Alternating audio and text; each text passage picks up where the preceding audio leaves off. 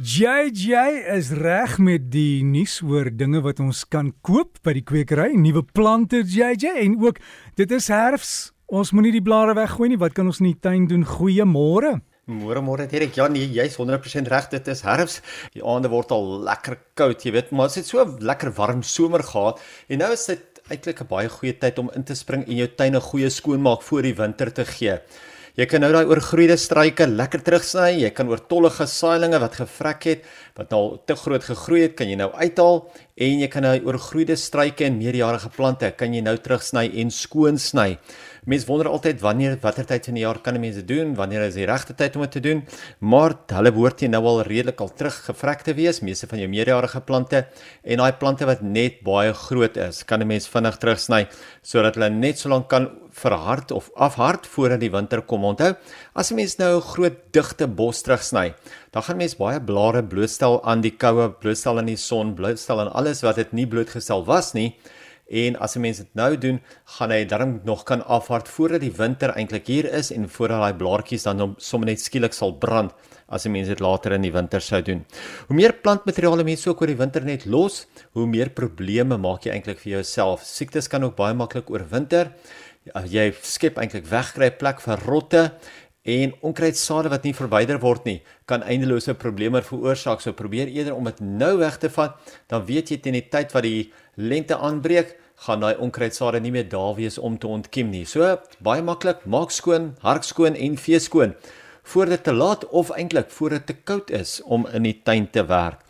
Nog 'n tuintaak wat mense in die herfsmaande kan aanpak is die opdeling van risome of gewysigde wortelstokke soos byvoorbeeld jou akapantusse, jou clivias, jou amaryllis, jou baardirisse, varkore en so, somervuurpyle. 'n Sekere plante soos byvoorbeeld jou clivia sal moontlik die volgende seisoen net na opdeling nie blom nie, maar eers die een daarna. So wees maar gerus dat as jy dit nou sou opdeel, is die kans goed dat dit vir 1 jaar nie gaan blom nie. Beste is natuurlik as 'n mens kom by die opdeling om eers die blare so ongeveer 2 tot 3 duim bo die grond af te sny.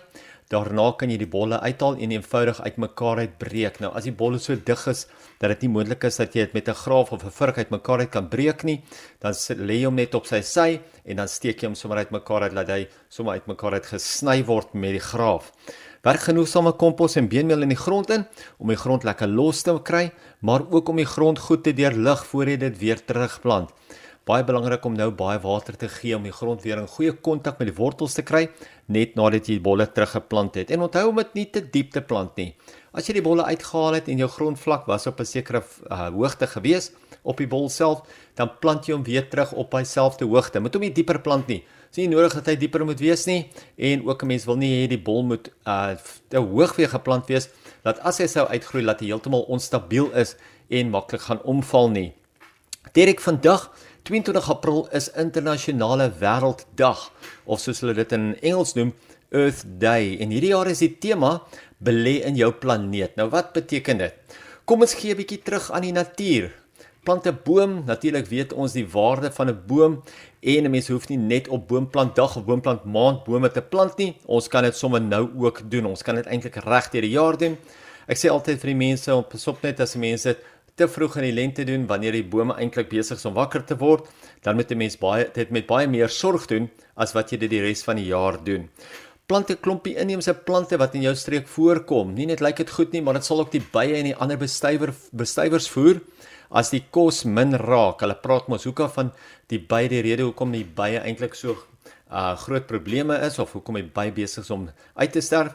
In meeste gevalle is dit omdat daar so nie kos deur die jaar is nie, maar dat daar so oorvloed kos sekere tyd van die jaar is wanneer die plante almal in blom is. So mense moet eerder probeer om die bye se dieet dwars deur die jaar aan te val.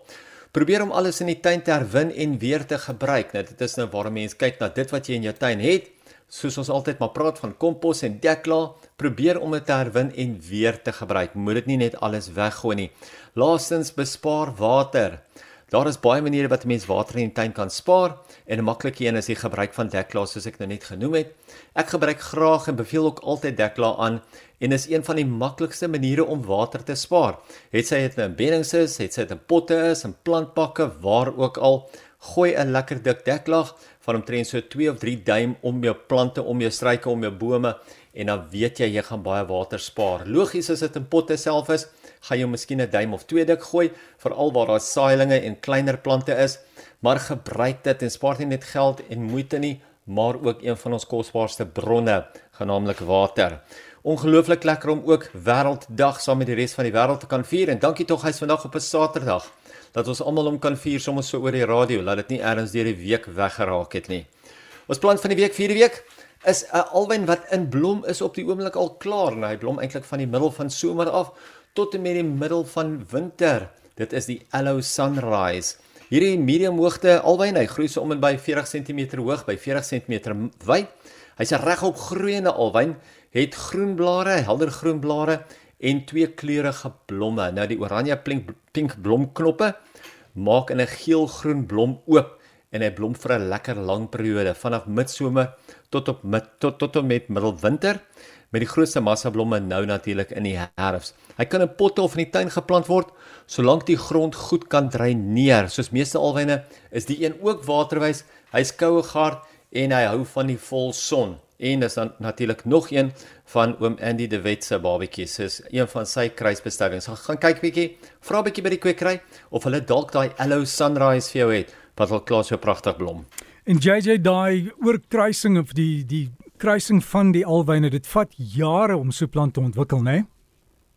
Dit vat jare en weet jy wat Derek Ek moet vir jou sê ek was eendag by Andy gewees wat hy my bietjie deur die kwekery gevat het en wat hy vir my gewys het hoe hy met verskillende plante speel en daar was ek sal sê 'n stuk van omtrent 400 osteospermums. Nou osteospermums mos maar die African daisy is mos maar daai uh inheemse daisy van ons, een van hulle wat daarso op die Weskus gegroei en daar was omtrent 400 gewees en hy het gesê, weet jy wat?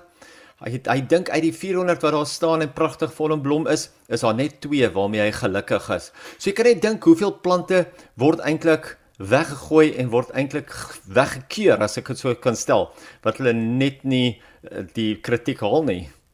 En as jy daai Hello Sunrise gaan kry by jou kwekery, onthou gaan soek die foto op die Breakfast Facebook bladsy, wys vir hulle en sê dis waaroor JJ gesels het. Dan kan jy dit in jou tuin gaan plant en die bye is mal vir hierdie uh, blomme. En dit is is nou op die Breakfast Facebook bladsy geplaas, so jy kan die inligting daar kry. En JJ is ons tuinkenner. Jy kan ook daarvan af hom vra stuur en dalk kan ons volgende week daaroor gesels. Lekker tuin maak.